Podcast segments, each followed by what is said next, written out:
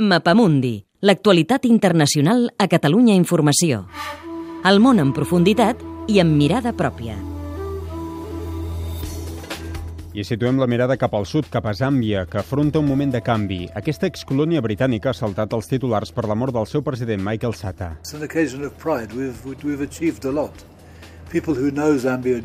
I pel fet molt simbòlic que la presidència provisional ha anat a parar les mans d'aquest home que sentim, un polític blanc, Guy Scott, un fet que a l'Àfrica subsahariana no passava des de la final, des de la fi de l'apartheid a Sud-àfrica fa 20 anys.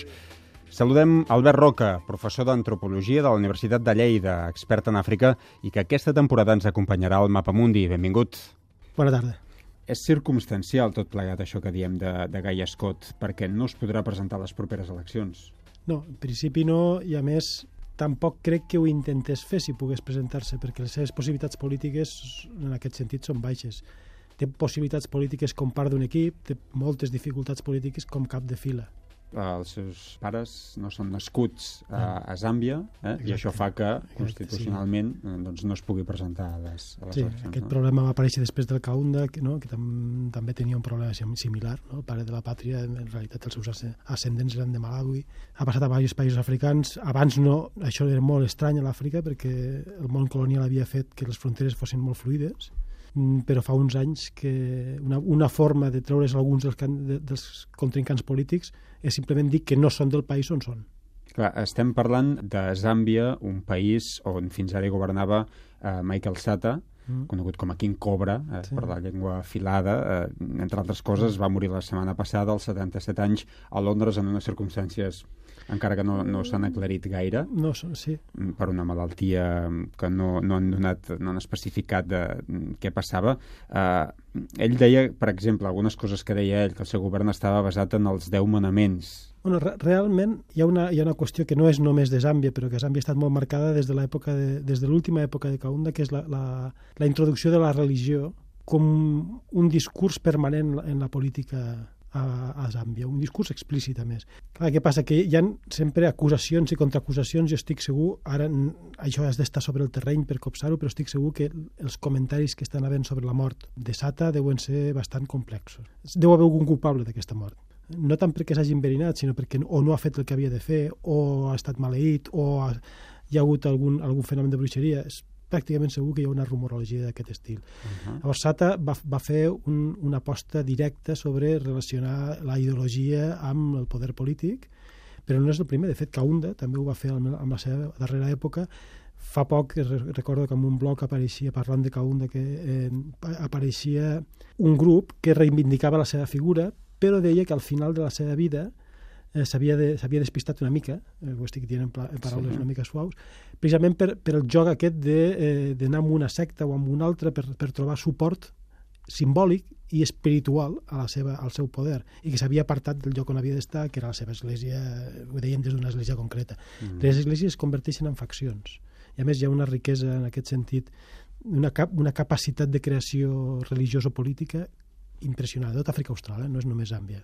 Amb un país que, per una altra banda, eh, té una estabilitat política notable. No hi ha hagut cap guerra, però a més estava al costat de realment de, de tota la Àfrica, el Sud-àfrica al període de l'apartheid i de la, la darrera Rodècia abans que es convertís en Zimbabue, i tot i amb això mai s'ha arribat a desestabilitzar. És el que deia Gaia Scott en aquest, eh, en aquest document sonor, no? que han anat mm. passant els anys i, i ha estat un país eminentment pacífic, una mm. zona de transició regional, d'alguna manera, frontissa, sí. tu m'explicaves. Mm. De, de fet, si tu, si tu observes geogràfica i ecològicament Zàmbia, està formada per dos conques d'un riu. Una és la del Zambeze, que va cap al, cap al Índic, i l'altra és la del Congo, perquè l'Uapula, que és de fet després el, el que farà la, la branca més grossa del Congo, és tota la part del nord, on està el Copperbelt.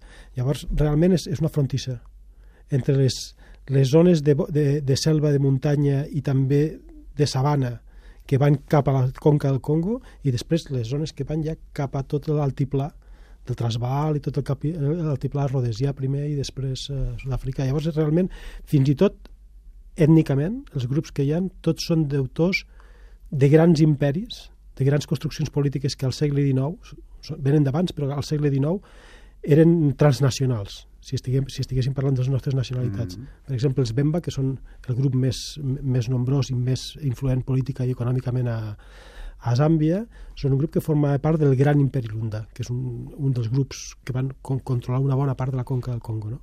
Mentre que els Tonga estaven relacionats amb el del sud, molts uh, grups que estaven eren en aquest sentit, anaven més enllà del territori de l'actual Zàmbia i tenen, per, per entendre'ns, parents i eh, aliats polítics fora de les seves eh, fronteres, mantenint, a més, amb un cert nivell les autoritats tradicionals. És bastant curiós. Les Bemba es, de, es defineixen com els seguidors del rei Bemba, com els Tonga es defineixen com els... De, és la seva definició uh, pràcticament ètnica, perquè són algunes d'aquestes d'aquests grups, no pas els Bemba i els Tonga en concret, però són bastant similars lingüísticament i culturalment. Llavors, què els, què els diferencia? La història política, el seu record. Són nacions diferents, per entendre'ns.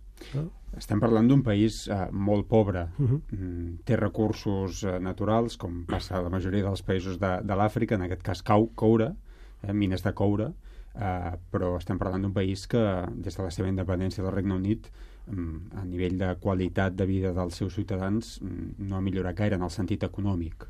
És un país amb, amb, amb riqueses naturals. El que passa que dir que una, un país té riqueses naturals moltes vegades, quan comença per aquí, malament, Mal. perquè vo, vols dir que, que, que les poblacions són pobres, el qual és una contradicció, perquè eh, això vol dir que la riquesa natural no equival a la riquesa dels habitants, perquè no és riquesa per amb ells.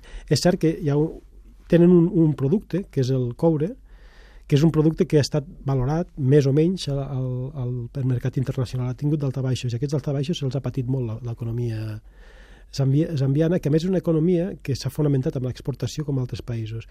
Té altres riqueses, té riqueses de, de tipus eh, agrari, té uns ecosistemes molt variats i, de fet, té unes possibilitats, si volguessin, o, o si estiguessin millors contactes de tipus turístic enormes, les, les catarates Victòria. Jo penso que hi ha, enseny hi ha ensenyaments. És un país on algun, eh, que et mostra com a l'Àfrica les condicions... És a dir, els africans no tenen un destí marcat. És un país amb, amb una gran diversitat ètnica tenim, estem parlant de probablement al voltant de 70 llengües. I hi ha una ètnia, que és l'ètnia Bemba, que poden comptabilitzar probablement el 20% de la població, i és la, amb diferència la més, la més gran. Dins de la dificultat, la, aquesta estabilitat mereix un cert respecte. És a dir, jo crec que Scott, eh, deu ser, ell personalment deu estar mm, profundament orgullós perquè sortirà a la història, això ja li fa sortir a la història, és de Klerk no hi havia un president blanc eh, a l'Àfrica subsahariana, però a més d'això penso que ha tingut l'oportunitat de fer alguna cosa que és molt difícil de fer per algú que, és, que nosaltres veiem pràcticament com a europeu, simplement pel color de la seva pell, que és eh, fer una declaracions d'orgull des d'una situació aparentment de, de, de dependència. Jo penso que això és interessant. No hauria d'estar demanant ajut a, a, a tort i a dret. Penso que ens hauria de fer reflexionar. Reflexionarem, doncs, amb, amb Zàmbia en els propers mesos també, que, que en continuaran parlant. Albert Roca, eh, moltíssimes gràcies. Gràcies a vosaltres.